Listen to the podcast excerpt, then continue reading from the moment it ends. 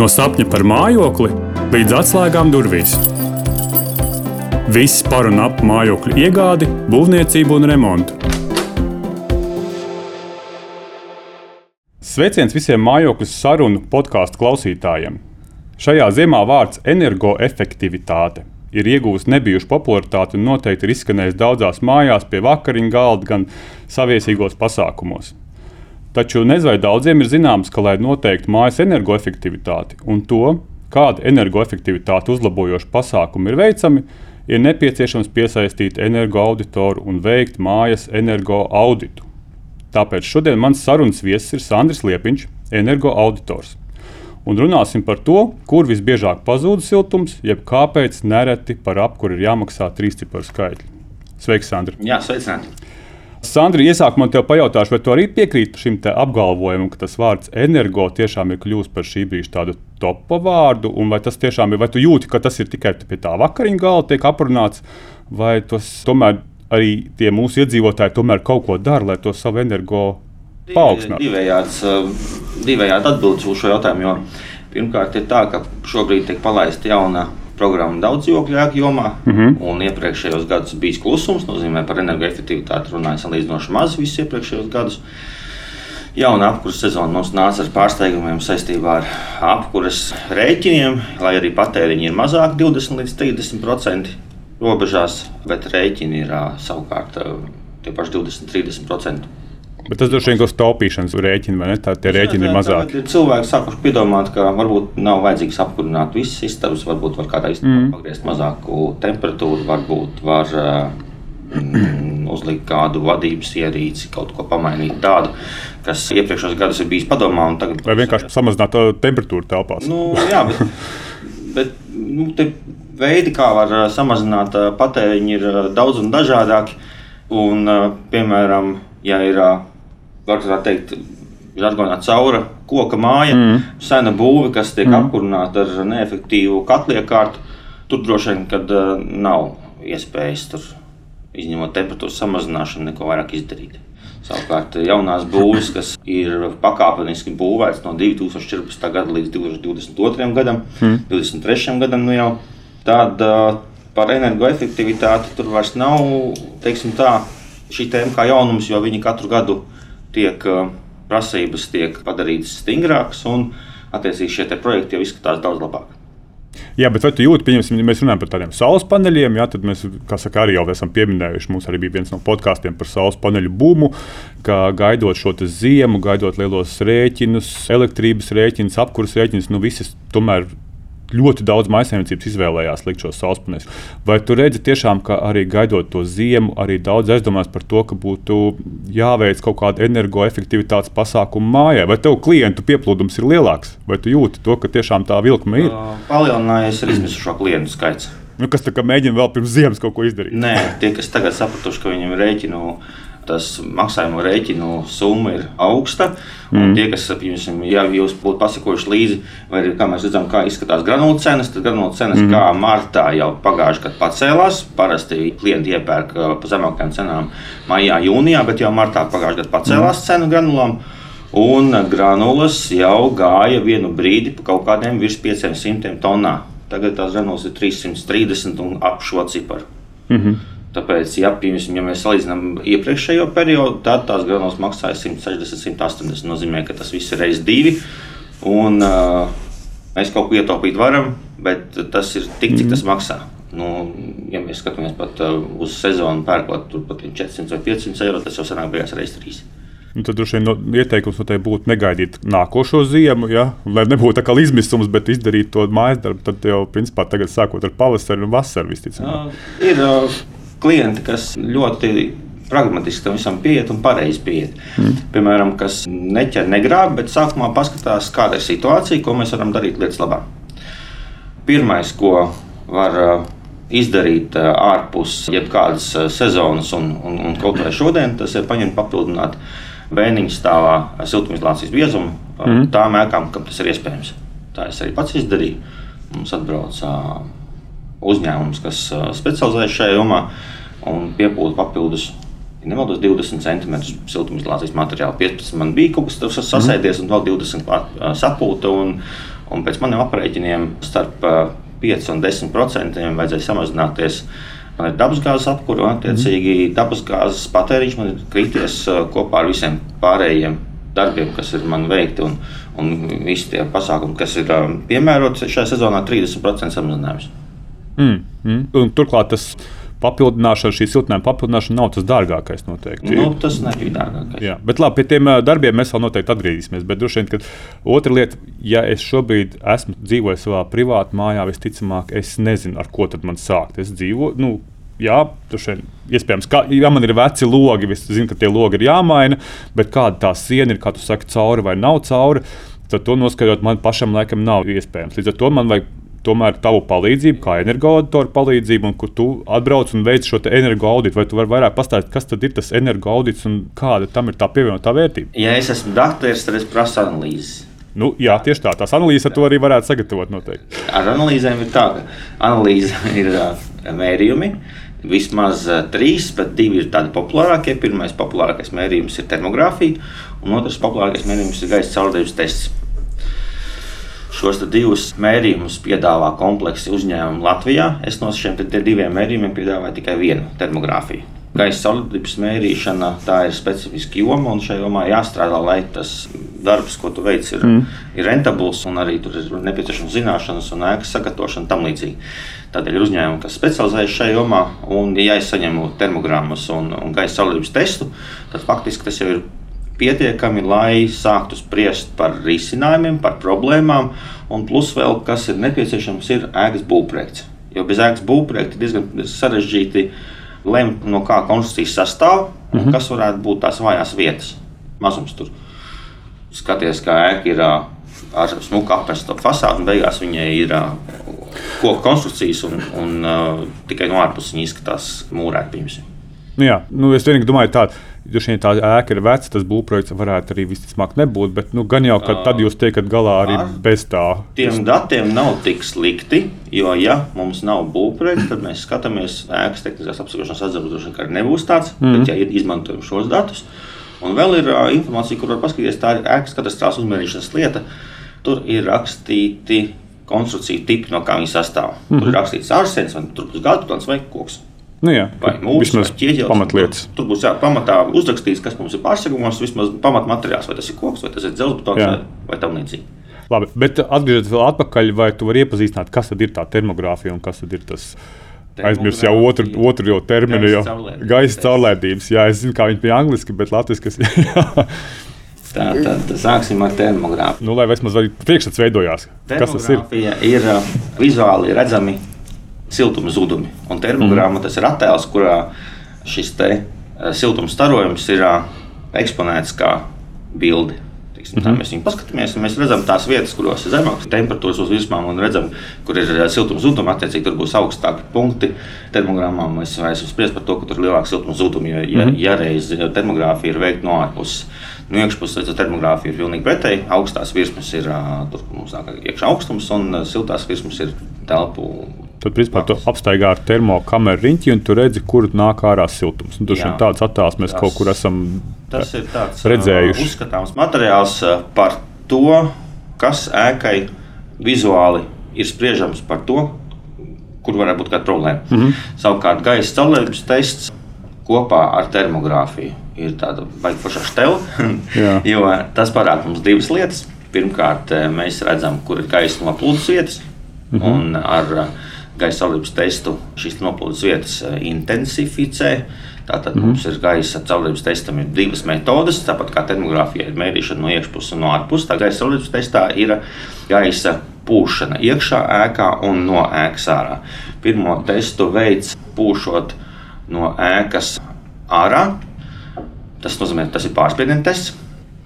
Mēs eh, ņemam augstu gaisu, pūšam ēkā iekšā un no ārpuses skatāmies, kur tas gaisa nāk ārā, kamēr viņš mm -hmm. ir mhm. silts. Savukārt, retinājuma tests tas ir otra testa metode, kad no ēkas tiek gaisa spūsts ārā, un mēs redzam, pa kurām vietām nāk iekšā augsts gaiss caur ēkas konstrukcijām. Tad, tad mēs varam konstatēt tās spraugas, pa kurām tas jā, gaisa staigā iekšā ārā, kur tā noplūst. Tas sākumā izskatās termogrāfijā bez gaisa caurības testa, tas izskatās mēreni un, mm -hmm. salīdzinoši var neuztraukties par to, kā tas izskatās. Mm -hmm. Tad gaisa caurlības testā parādās tāda brīnuma, ka pēkšņi sāk pūst gaisa no otrā stāva grīdlīstē. Ēka divi stāvi, un pēkšņi mm -hmm. mums starp, no, no grīdlīstēm parādās augsta gaisa plūsma.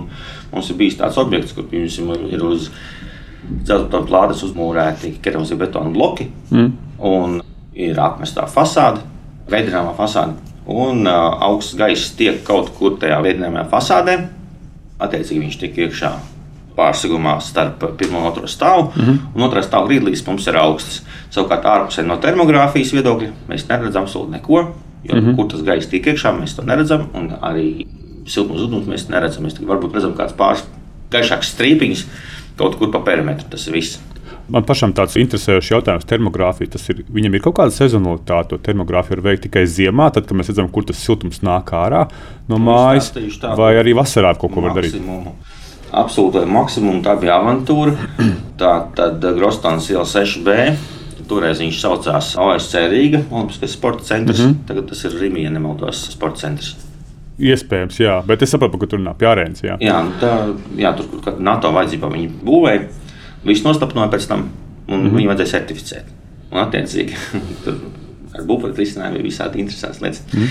Bet uh, mums pakalpojumā pie certifikācijas bija arī paredzēts uh, veikt gaisa caurības testu. Un tā ēka ir milzīga. Mm -hmm. Tagad, cik viņai bija 1000 kvadrātmetri, 20,000 noteikti pāri bija 20,000.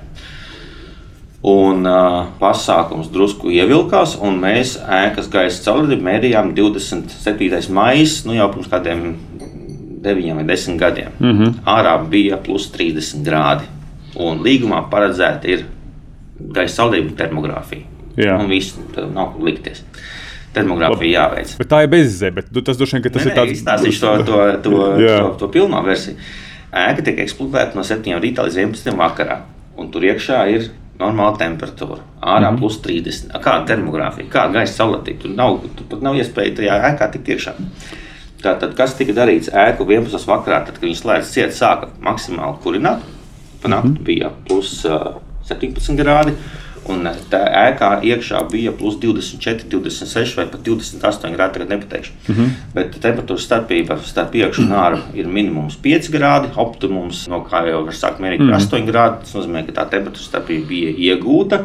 Un kopā gaisa saldības testu bija ļoti labi. Viss redzams, viss noplūdes vietā. Okay, tad, principā, vajag tos vismaz 80 grādu starpību starp iekšas temperatūru un ārā temperatūru. Jā, tas ir, tas ir tā būtu okay, tā formula. Tā kā tas nozīmē, ka no plus 10 grādiem un uz leju termogrāfija kopā ar gaisa saulēdību ir veicama. Mm. Ja veic tikai termogrāfiju, tad uh, ārgaisa temperatūrai būtu jābūt uh, 0,5.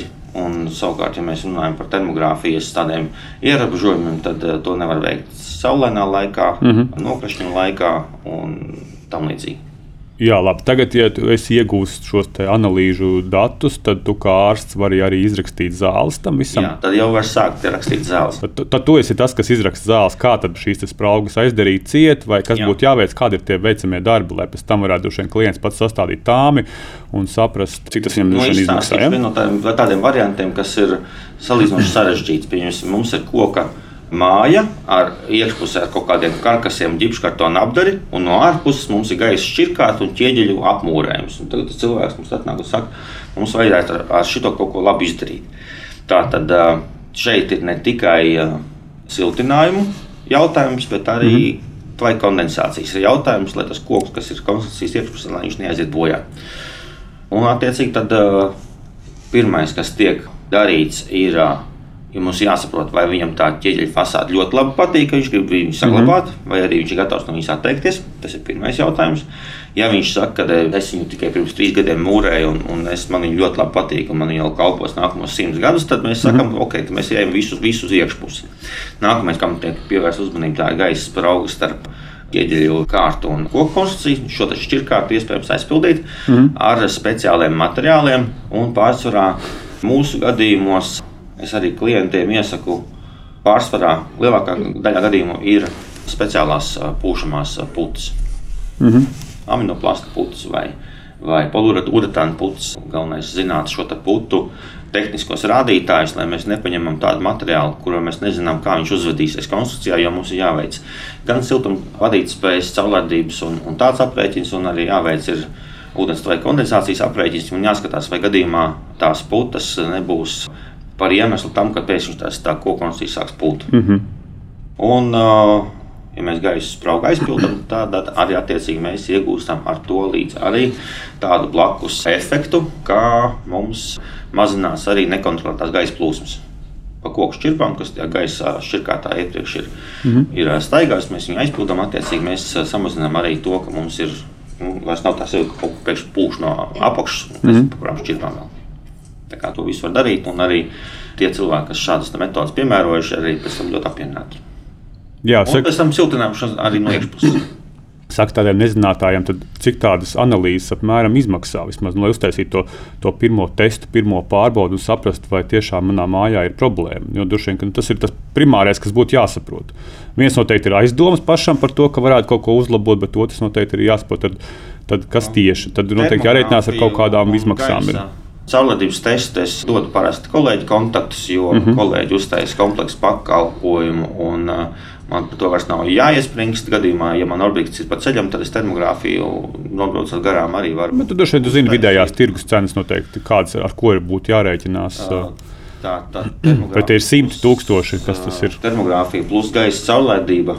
Par privātmājām. Privātmājai mm. būs 200 un 300 eiro plus ceļš. Nu, nu, tad īstenībā nekas pat īsti ļoti liels nav. Nemācēju šo teikt, bet nu, savi kaut kādi 30, 35 jā, jā. centi kilometrā ir jārēķinās. Attālumā mm -hmm. no Rīgas var pareiķināt, ja tikai 50 km tur papildus sanāks 35 eiro klāt.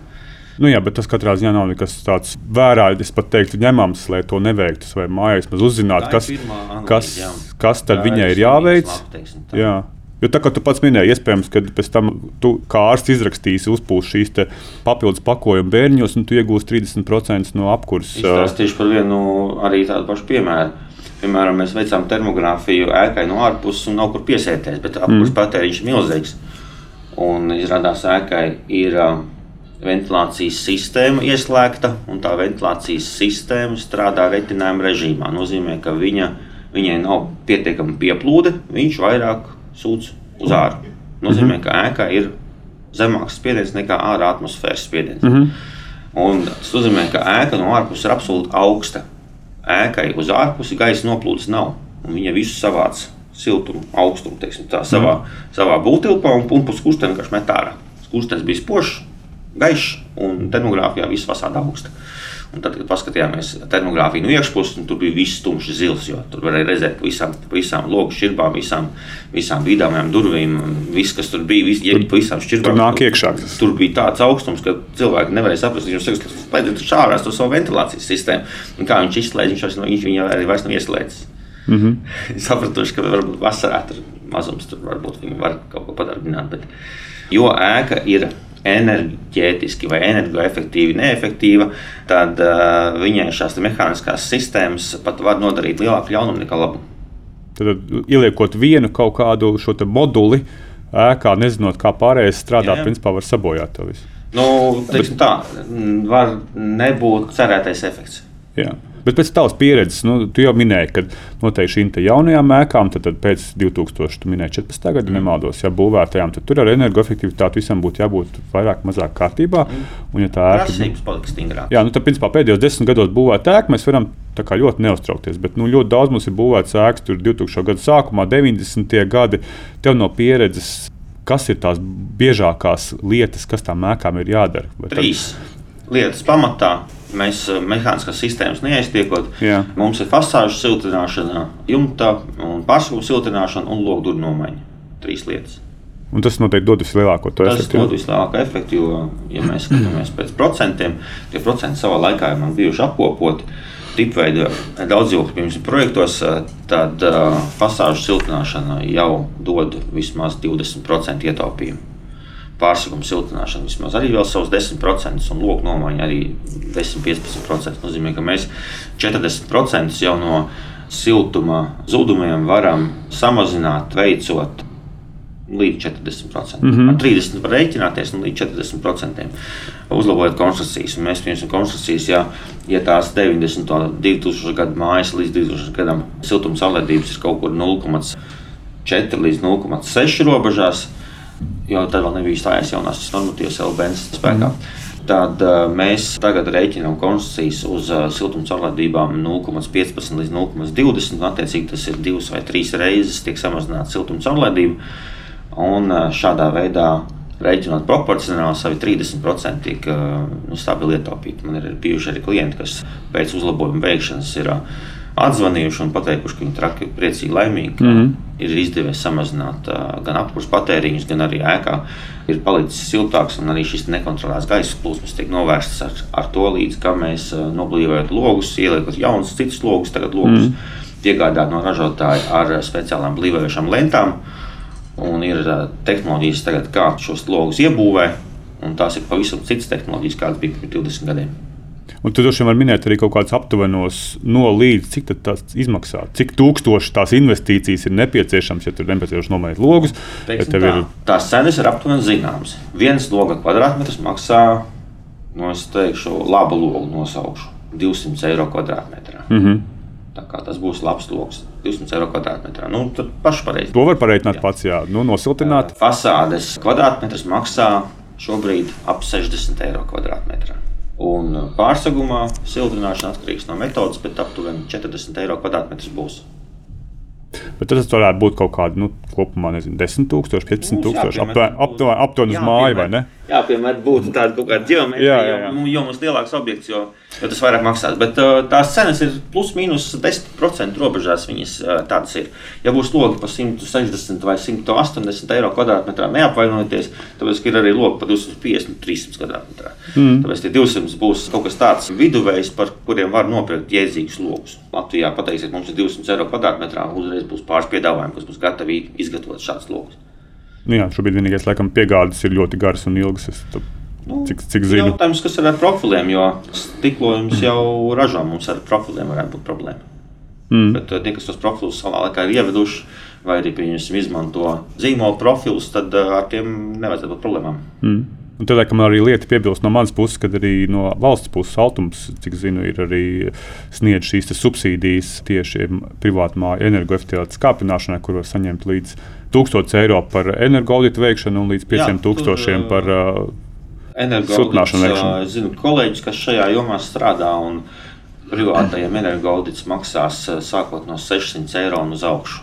Mm -hmm. Bet es šajā jomā pats nestrādāju, jo tie objekti ir salīdzinoši mazi ar lielu darbietilpību. Un, nu, ja gribas patrenēties, tad to var darīt, bet, bet es faktiski šobrīd apkalpoju savus klientus. Mani klienti nāk ar tādiem pieprasījumiem, kas ir drusku ārpus privātu māju problemātikas. Savukārt, ja kāds no maniem kolēģiem, kas šajā jomā strādā un pēkšņi tie darbi ir tik daudz, ka viņš netiek galā, tad mm. es parasti paņemu uz sevi mm kādu no tādiem objektiem un arī izpildu šādus pasūtījumus. Labi, vēlreiz pie tavas pieredzes atgriežoties. Tu nosaucās trīs lietas, kuras noteikti vajadzētu izdarīt. Jā. Tad, tad uh, logi, ārsienas, ārsienas jumts. Ja mums, ir, ja mums ir logi kas... vecāki par 20 gadiem, tad būtu laiks no viņiem atteikt. Kaut arī tie ir plastikāts vai ne? Nu, kas ir nu, nu, pakašlogi? Viņu siltuma caurlaidība jau ir divas reizes augstāka nekā šobrīd moderniem logiem. Jā, tieši tā. Bet noteikti ir kaut kādas tipiskākās kļūdas, kuras kā nevajadzētu izdarīt. Vai tu tāds esi kaut kāds pamanījis? Ja. Es domāju, ja šobrīd grib atjaunot to savu, paaugstināt šo energoefektivitāti. Bet, nu, principā, tas, ko tu teiktu, neuzkāpiet uz šī grābekļa, izdariet, iz, jā, izdariet pareizi, jā. neizdariet nepareizi. Ir tāds saucamais uh, būvniecības veids, kas saucas pašu spēkiem. Jā, jā, tas mums ir atļauts. Tas mums ir atļauts un pašu spēkiem. Uh, tā tad mums ir, uh, kā nu viņam bija tas. Uh, Mairis, ne Mairis, Mārcis, ne Mārcis, bet Raitis kaut kāds atnāk. Nu, viņš tur gan izgatavo tos logus, gan arī pats samontē mm -hmm. pašu spēkiem. Nu, tur sapūš kaut kā, tur reku tev ir. Ailes apdara un gatavs. Tāpat tās ar uh, siltināšanas sistēmu. Uh, ja mums ir uh, siltināšanas sistēmas, ja mums ir reglamentēts, teiksim tā, no kā sastāv sistēma, tad atnāk tur kaut kāds Jūras Mārtiņš vai Pēters un uzstājas savu sistēmu. Mm -hmm. Tad viņam ir savas metodas, un viņš tur uzliek uz pikām un, un uh, buļbuļs saliek ar spraugām un ar montāžas putām. Tas spraugs pēc tam aizpūš, un kā sanāca, tā sanāca, un neievērojot sistēmas. Mums ir retaktu 04 apstiem fasādes sistēmām neievērot sistēmas noteikumus, pašu spēkiem. Nu, mm -hmm. Tā sanāca, tā sanāca. Nu, pats taisīja, jau pats sev nebrāķēs. Pieņemsim, arī tas pats variants, ja mēs pūšam to pašu ekovātu, piemēram, bērniņos iekšā. Nu, tā kā priekš kam aicināt firmu ar kaut kādu pūtēju, ar kaut kādu to te, to centrifugu, un priekš kam tas vajadzīgs? Nopērk pats tās eh, kūdras pakas ar šitām te ar, ar ekovātu, uzstiep augšā un mēģina tur izmētāt kaut kādu. Un gan jau saģot ar, ar, ar mm -hmm. Bet nav, tas nestrādā tā. Jo, ja viņš ir pūtējis, tad viņš ir ar masku un ar brillēm, un viņš sapūš, mm -hmm. ne pirmo gadu viņš tur pūš, viņš sapūš tā, kā jābūt. Ir tas cilvēks, kas to paku ir uzstiepis augšā un mēģinās viņu tur iziedināt, mm -hmm. tas ir pilnīgi garām. Tas cilvēks, kas nenodarbojas ar fasāžu siltināšanu, viņam to nevajadzētu darīt. Mm. Tas cilvēks, kas nav nekad, teiksim, ne, nekad, ja viņš nav pēdējos desmit gadus mācījies, kā pareizi ielikt logus, viņam to nevajadzētu darīt. Bet pašu spēkiem parasti tiek ietaupīts, un, un tās tehnoloģijas ražotāji pirms norādījuma, kā ir jāiebūvē konstrukcijas, nu, ja tas ir, teiksim tā, pelēkajā zonā iegādātas mm. konstrukcijas, viņas atstāk arī pēc dokumentācijas. Tad no tevis stāstītājs saprot, tad vai nu viens ir piesaistīts profesionāļs, profesionāli uzņēmējs veids kaut kādu vienu darbu, bet ja veids mājas būvniecību, nu, tādu kompleksu, tad droši vien ieteikt būvuzraugu piesaistīt, lai pēc tam nebūtu tā, ka. Tas. Jā, nu es domāju, kādu būvuzraugu, kurš vismaz atbrauc tev uh, ik pa laikam, paskatās līdzi, vai tas, ir, kas ir izdarīts, ir izdarīts uh, kvalitatīvi un pareizi. Jo, piemēram, apmesto fasādes sistēmu, apmesto fasādi, un tur mm. sistēmas nebūs. Apmesto fasādi, salikt siltumizolāciju un uzsprišināt uh, tā, ka mums beigas izskatās skaisti, tā nav baigā māksla. Mm. Bet mm. cik mēs skatāmies termogrāfiju, tad tur sāk parādīties brīnumi. Kaut arī uz tām pašām dībeļnaglām, uz fiksatoriem, uz nekontrolētām gaisa plūsmām, kas varbūt ir pat aizstāvs siltumizolācijas plāksnēm, tas pēc tam viss novērojams. Nu jā, tieši tā, kaut kāda augstuma tilta, kur viņš iet ārā. Jā, jā pēc tam var mm. apskatīties, un attiecīgi tie procenti, 10 vai 20, viņš jau no tās konkrētas pozīcijas viņš pazaudē. Ja mm. viņam bija jāietaupa uz pasādēm 20%, tad viņš ietaupīs 15%. Mm. Tas nozīmē 5% viņš gada griezumā. Ja viņš samaksā piemēram, par apkuru 2000, tad viņš 5% mm. no 2100 eiro gadā jau ir pazaudējis uz tā, ka ir bijis nekvalitatīvi iestrādāts. Mm. Sandra, mums pandēmijas laikā, nu, principā, sākoties šai pandēmijai, visi sāka vairāk vai mazāk strādāt tiešām attālināti. Tajā brīdī parādījās tāds liels pieprasījums, vai varētu teikt, kā kārtībā piesaukt šo vārdu bums pēc lauku mājām. Nu, katrs domā, ka viņš tomēr var strādāt no reģiona, atgriezties savā dzimtajā novadā, nopirkt šo lauku māju un tad viņu pakāpeniski atjaunot. Vai tev ir kaut kāda bijusi pieredze ar šīm lauku mājām, ka tu, tu varētu dot kaut kādus ieteikumus, kur ir tā stadija, vai kā noteikt, vai šo lauku māju ir vērts atjaunot, vai labāk viņu tomēr demontēt un sākt būvēt no jauna, jo vienkārši tas eh, ieguldījums, kur tu veiksi, nekad neatmaksāsies. Jo tā māja, kā tu pats minēji, cauri koka māju ir pati pamatā. Ko var darīt ar uh, lauku māju, var izlasīt saimnieku acīs. Tāpēc, tas, kas jā, pārdod, domā. Nē, nē, tas, kas eh, ir tagad iegādājies. Jā. Tas uzreiz eh, viņš ir iegādājies ar kaut kādu mērķi. Viņam patīk, kā viņi izskatās. Viņš saka, mm -hmm. man šī tā. Man vajag, ka tur man ir mans mukies, tā kā gaisa, viņam tas patīk, viņam koka rīt, tas viņam patīk. Un tas, ka tie vecie logi, viņš viņus ir restaurējis, viņš visu divas vasaras strādājis, un tos logus ir eh, atjaunojis, fēnojis un, un, un, un špaktelējis un krāsojis. Nu, viņam viss, viss vajag forši. Un tad ir problēmas. Tad jautājums, ko mēs varam izdarīt lietas labāk. Jo, piemēram, Rīgā arī ir tādas mājas, kurām nevar aiztikt logus. Tad liek vienu vērtni ar paketēm. Arī mm. tā var izdarīt. Ja no ārpuses patīk tas, mēs varam vienu vērtni mainīt ar paketēm. Mēs varam blīvēt tos logus, mēs, ja viņi jāpatur. Ja viņi nav jāpatur, tad mēs viņus uh, iesakām mainīt. Bet uh, šeit ir jāsaprot, cik tālu mēs drīkstam iet. Tas mm. ir jāsaskaņo pirmkārt ar pasūtītāju. Kas būs tie risinājumi? Piemēram, ir tā saucamā ekobūvniecība, ekodomāšana. Mm -hmm. Tas nozīmē, ja viņš dzīvo laukos pie savām mušām dundriem, nozīmē, ka viņam tas viss ļoti patīk.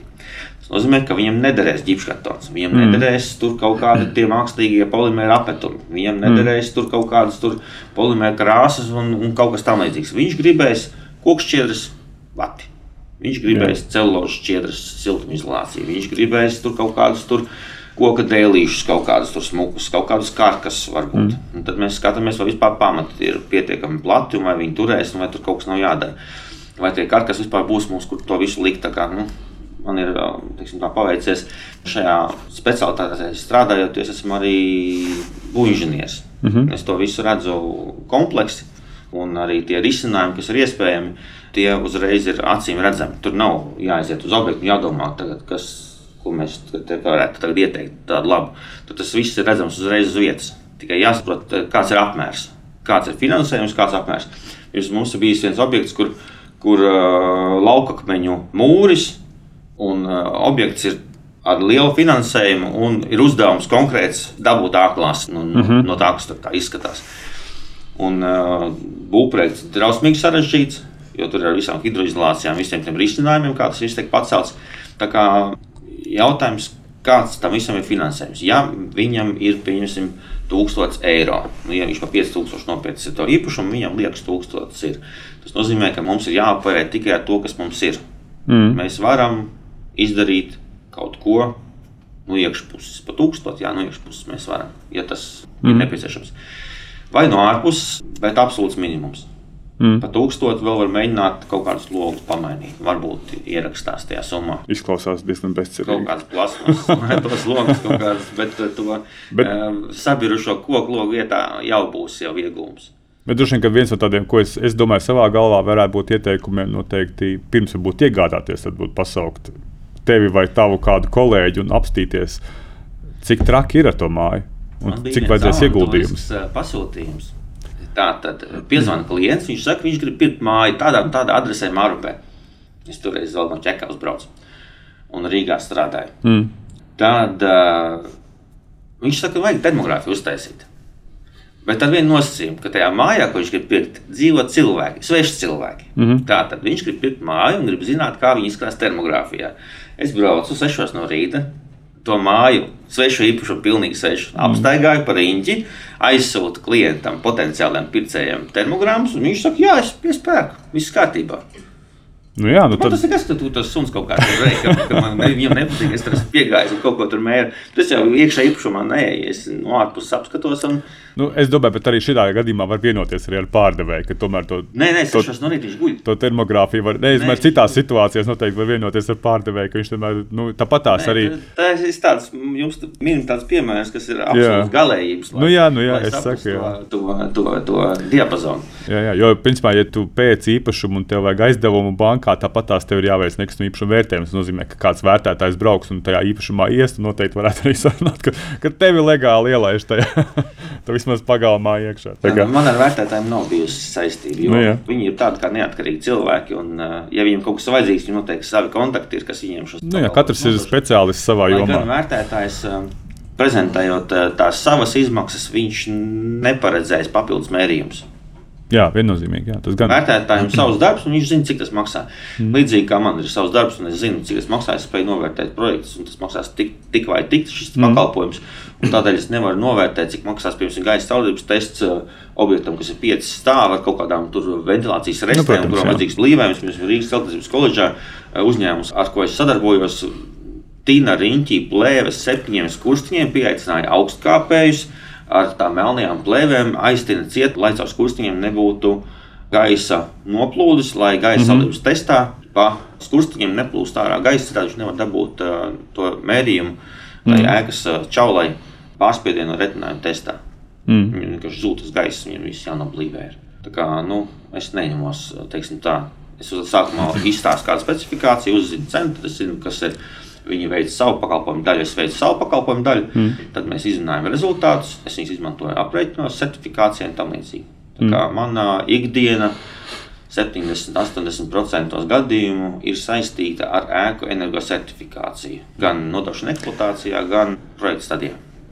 Jā, šobrīd arī īstenībā Visi šie ziņu portāli ir pilni ar dažādiem rakstiem par mūsu Rīgas dzīvojamā fonda kvalitāti. Tur ir gan pārmetumi, gan solījumi, kas tiks ar viņiem darīts.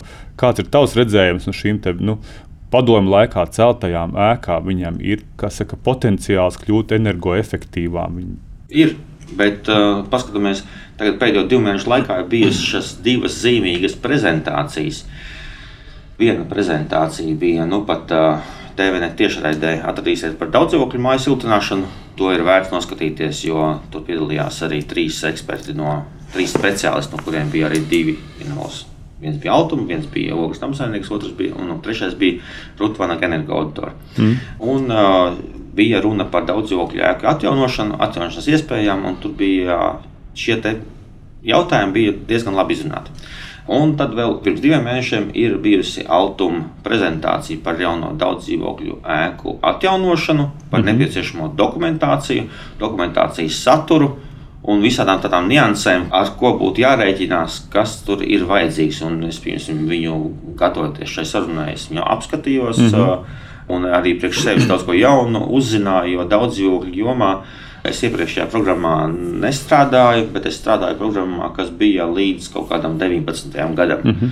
Tāpēc es uzzināju diezgan daudz ko jaunu un saprotu, ka ir vēl jomas, kas pat ir jāpiemācās klāt. Jo tas ir tāds, tāds aprēķins, kas saucas pārkāršanas aprēķins. Mm.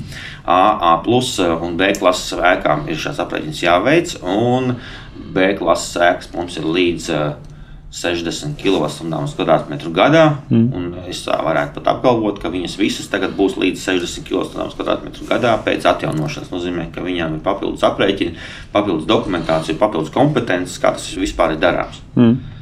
Tas nozīmē, ka vienkārši mums ir jābūt aktīvākiem, tiešām, lai piesaistītu šo papildus finansējumu gan no autonomas puses, gan veiktu šos energoaudits daudz dzīvokļu mājām.